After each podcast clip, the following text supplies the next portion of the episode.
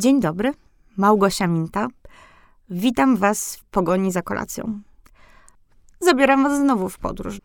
Jedziemy do miasta, które raczej z wakacjami się nie kojarzy. Mi samej kojarzy się tylko chaosem, tłumem, hałasem, tempem, wiecznie spóźnionym metrem albo metrem, które w ogóle postanawia nie jeździć. Jedziemy do Londynu, ale do wyjątkowego miejsca, do miejsca, w którym można się zupełnie oderwać od tego, co jest na ruchliwej Oxford Street, która się znajduje zaledwie kilka minut spacerem dalej. Można oderwać się od tłumu turystów, e, można oderwać się od pędu i przenieść do pełnego słońca, dobrej energii i chillu Meksyku. Restauracja jest niepozorna. Mieści się w typowym brytyjskim budynku z rdzawej cegły. Ponoć kiedyś był tu komisariat policji, ale na szczęście teraz e, znajduje się tu coś o wiele ciekawszego i przyjemniejszego dla ducha i użytkowników. Restauracja, której nazwę należałoby przetłumaczyć jako kapusta, czyli kol. Dlaczego kapusta? O tym powiem za chwilę. Po wejściu nic nie wskazuje na to, że właśnie to, co zjemy, będzie kuchnią meksykańską. Ściany są rdzawe, pomarańczowe, meble proste. Gdzieś pobrzmiewa muzyka, która jest trochę meksykańska, ale równie dobrze może pochodzić z jakiegoś innego ciepłego kraju. Nie ma typowych dla stereotypowych meksykańskich restauracji piniat wiszących na ścianach somber, ani innych gadżecików typowych dla przejaskrawionych wręcz meksykańskich knajp. Tutaj wystrój jest bardzo młody, powściągliwy, współczesny i taka też jest ekipa, która działa na otwartej kuchni. Wszyscy mają po 30 kilka lat. Widać, że poza tym, że są skupieni na tym, co robią, podrygują nieco w rytm muzyki. Bawią się choć odrobinę tak dobrze, jak goście. Na czele tego zespołu stoi Santiago Lastra, trzydziestokilkuletni szef, którego kariera zawiodła go w wiele miejsc na świecie. Urodzony w Meksyku, wyjechał dość wcześnie. Urodzony w Meksyku, dość wcześnie zaczął gotować i poczuł, że to jest właściwie to, co chciałby robić jako zawód. Wyjechał do Hiszpanii, gdzie miał okazję pracować w jednej z najbardziej znanych, ikonicznych wręcz restauracji w tym kraju, w Mugaritz w kraju Basków. Pewnym momencie trafił do Nomy, restauracji kilkukrotnie uznawanej za najlepszą restaurację na świecie. Restauracji, która zupełnie odczarowała to, jak wygląda i jak postrzegana jest gastronomia w krajach skandynawskich. Santiago przypadł w udziale niezwykły projekt. Miał odpowiadać za rozwinięcie pop-upu tej duńskiej restauracji w odległym Meksyku. Jego zadaniem było m.in. wyszukiwanie składników, wymyślanie, jak można by z nich zbudować menu i w jaki sposób te zupełnie odmienne składniki można by wykorzystać w daniach oddających ducha Nomy, restauracji, która na co dzień znajduje się w Kopenhadze. To doświadczenie, w sumie niekoniecznie związane z gotowaniem, a bardziej wyszukiwaniem składników, ale jednak uczestniczenie w wydarzeniu, gdzie ktoś przychodzi, jest karmiony i można do kogoś ugotować, zmieniło zupełnie jego pomysł na życie.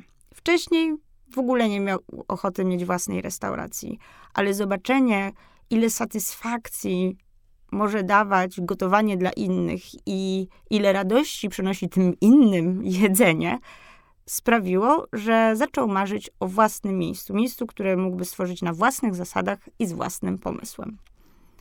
A pomysł, jaki miał, był dość szalony.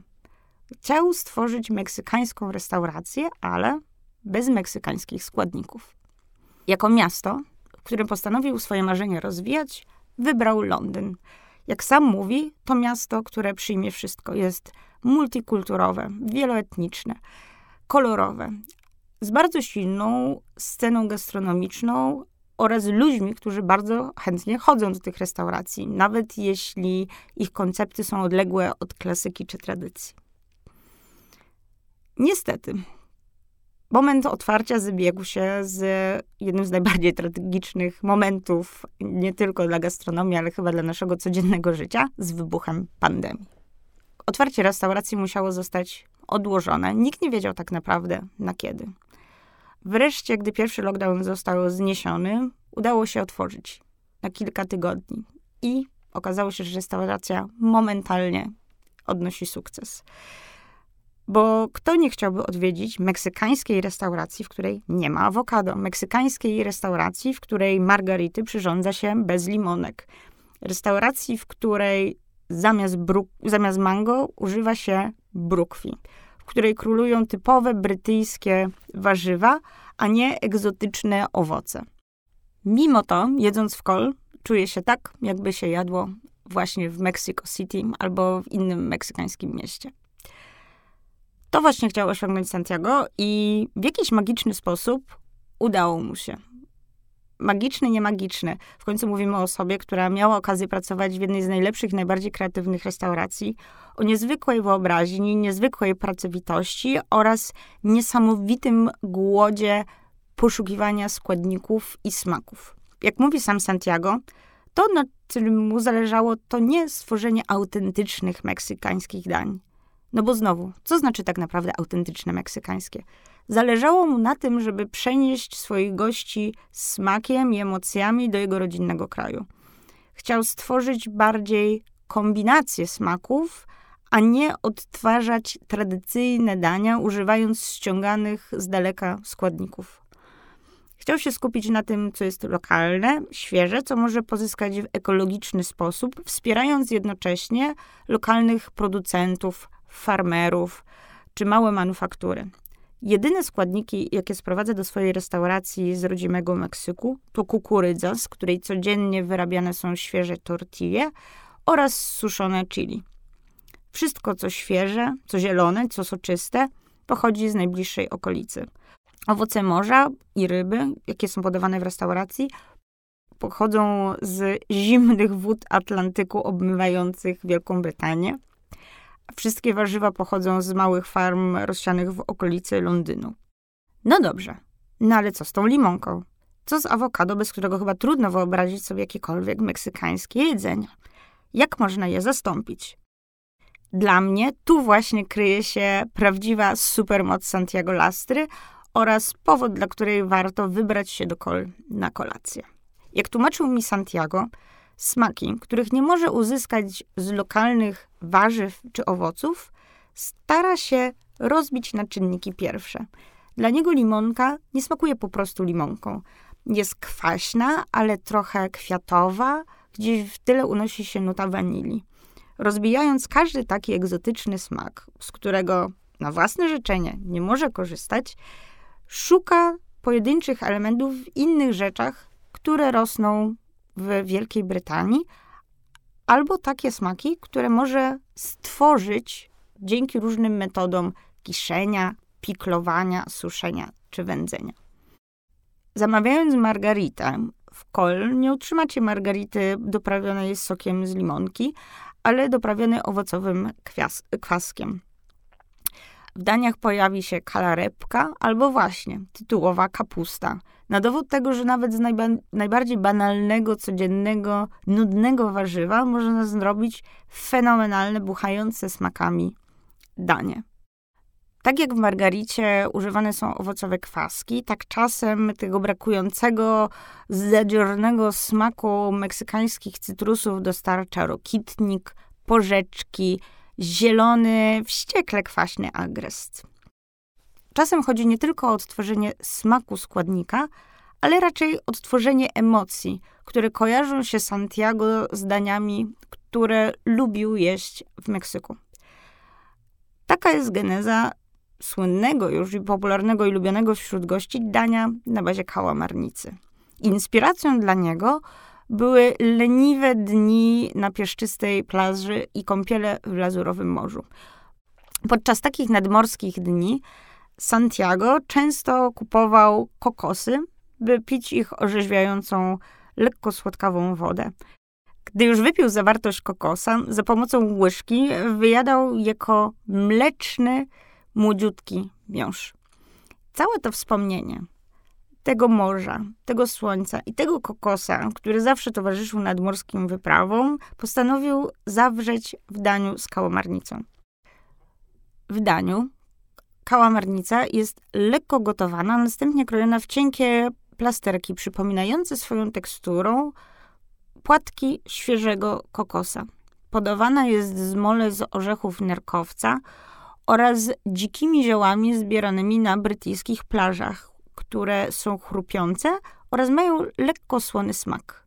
W każdym kęsie tego dania przenosisz się nad morze. Być może nawet meksykańskie. Kto to wie? To tylko zależy od twojej wyobraźni. Wymyślanie dań do kolejnych menu kol to wymyślanie na nowo smaków. Szukanie niuansów w warzywach i owocach typowych dla północnej Europy, tego, co może łączyć je z ich egzotycznymi pobratymcami. Dania, które są duszą meksykańskie, choć w praktyce można by o nich powiedzieć, że są brytyjskie, uzupełniają nie tylko koktajle na meskalach czy tequili, ale też wina pochodzące z cytralnej Europy, którymi fascynuje się nie tylko Santiago, ale i jego sommelier Antoni. Wychodzi nam z tego mieszanka wybuchowa. Ma w sobie energię Meksyku, ma w sobie lekkość i świeżość europejskich składników, a całość podlana jest rześkimi, chrupiącymi wręcz i soczystymi, naturalnymi winami, na przykład ze Słowacji. Taki wieczór najlepiej skończyć w piwnicy, bo tam znajduje się restauracyjny bar, meskaleria. Można tam spróbować niemalże 100 rodzajów alkoholi sprowadzonych z odległego Meksyku, którym towarzyszą dania inspirowane kuchnią ulicy. Znowu przygotowane z wykorzystaniem lokalnych, świeżych składników, ale mające w sobie tyle ognia, ile ma w sobie Mexico City. Kol to młodziutka restauracja. Z długimi przerwami covidowymi działa niespełna dwa lata. Mimo to udało jej się uzyskać gwiazdkę w przewodniku Michelin oraz uwagę mediów z całego świata. Oczywiście jest to zasługą niezwykłej, ciekawej, oryginalnej kuchni, ale moim zdaniem dużo dają tu emocje. Emocje, które tak naprawdę chce przekazywać na talerzu szef kuchni. Emocje, którymi chce się dzielić i emocje, które chce zawrzeć w swoich daniach. Nie chodzi mu wyłącznie o precyzyjne ułożenie dodatków, o posypanie dań dzikimi kwiatami albo kolorowymi pudrami. Chcę, by dawały radość, by dawały wspomnienia. A w końcu wspomnienia to coś, co zostaje z nami na długo po tym, jak skończymy jeść kolację.